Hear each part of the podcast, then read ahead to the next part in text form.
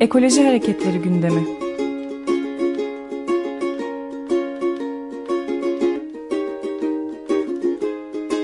Çevre ve Ekoloji Hareketi avukatları tarafından hazırlanıyor.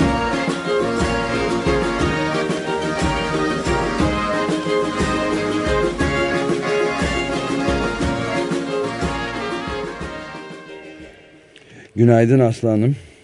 Günaydın merhaba. Günaydın. Merhaba. Evet bugün Bodrum konusunu ele alıyoruz. Kültür ve tabiat varlıklarının korunmasında nasıl bir ilerleme kaydedilebiliyor mu yoksa durum Hı. kötü mü? E, merhaba ismim Aslı Yoldaş. Çevre ve Ekoloji Hareket Avukatlarının bir üyesiyim. E, kültür ve tabiat varlıkları deyince aklımıza ilk olarak sit alanları geliyor. İşte doğal sitler, arkeolojik sitler, kentsel sitler.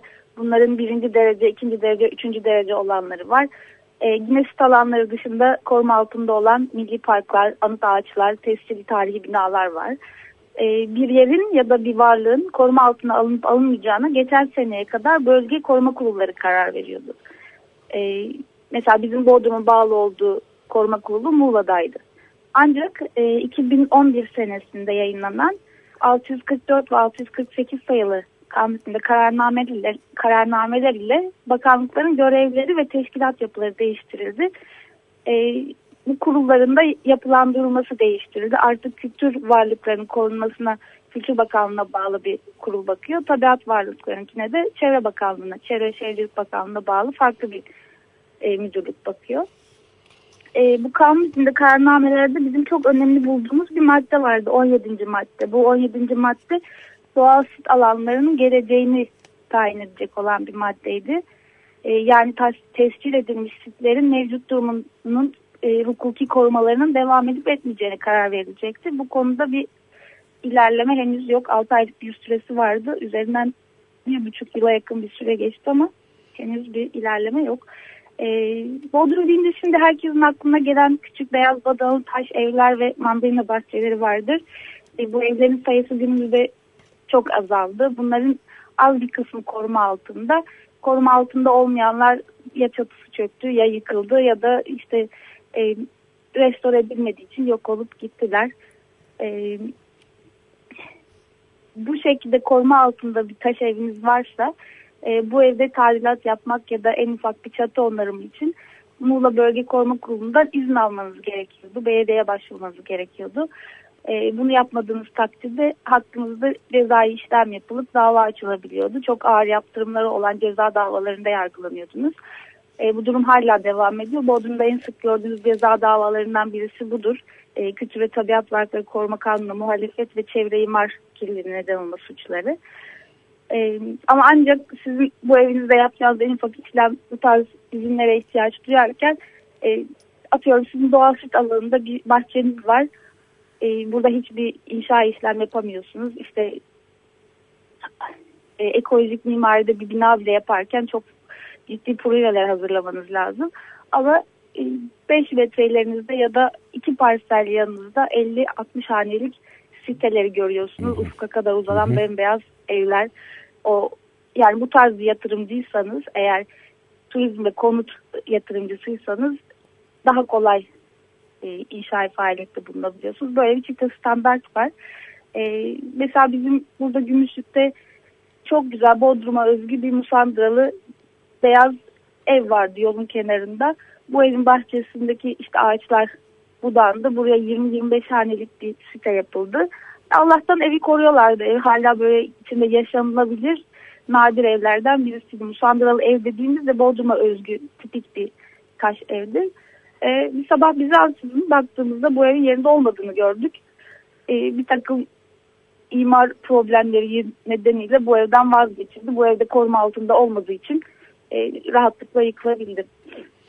E, evet. E, sit alanlarıyla ilgili bir değinmek istediğim konu daha var. Bu sit alanlarının derecelendirilmesi, işte birinci derece, ikinci derece, üçüncü derece olmaları. Harita üzerinde bir çizgi çekiyorsunuz. Bu çizginin e, bir adım sağ tarafı birinci dereceyken bir adım sol tarafı ikinci derece oluyor. Halbuki e, bir yaşam alanı ya da arkeolojik bir tarihi kalıntının e, yoğunluğunun bir adımda değişmesi düşünülemez. Orada e, yılların birikimi vardır ve sadece bir çizginin ya o çizginin amacı aslında orayı imara açıp açmamaktır. E, bu tarz bir yaklaşımdan vazgeçmek lazım.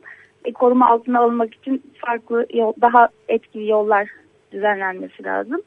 E, şu anda Türkiye'nin %3'ü kadar bir bölümü koruma altında. Bunun içinde hem arkeolojik sitler hem doğal sitler hem milli parklar var. E, yüzdeye vurduğumuz zaman e, yüzde üç aslında gayet düşük bir rakam. E, bu rakamın e, Türkiye gibi bir yerde çok daha fazla olması beklenir. Hem doğal güzellikleri çok fazladır hem de tarihi e, arkeolojik alanları çok fazladır. E, şimdi koruma kurullarının nasıl çalışacağını tam olarak kestiremiyoruz ama e, bizim de birey olarak etrafımızda tespit ettiğimiz doğal güzelliklerin ve e, tarihi yerlerin korunmasını isteme hakkımız var. Çevre derneklerin ve yereldeki e, sivil toplum kuruluşlarının bunlara başvurma hakkı var. E, bu hakkımızı kullanıp kendi envanter çalışmalarımızı yapabiliriz.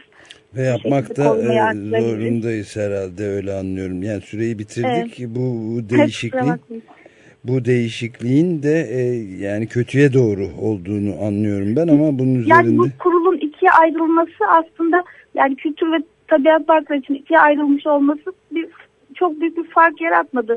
Gümüşlük Muğla merkeze 250 kilometre ötede. Bu kurulda 5 kişi var.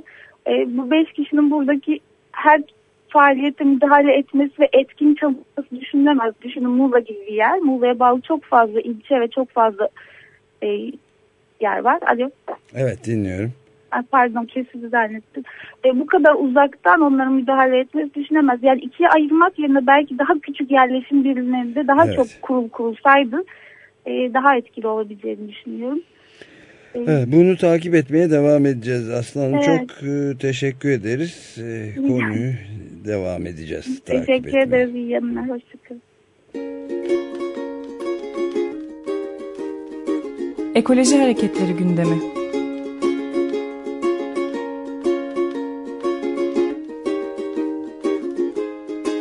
Çevre ve Ekoloji Hareketi avukatları tarafından hazırlanıyor.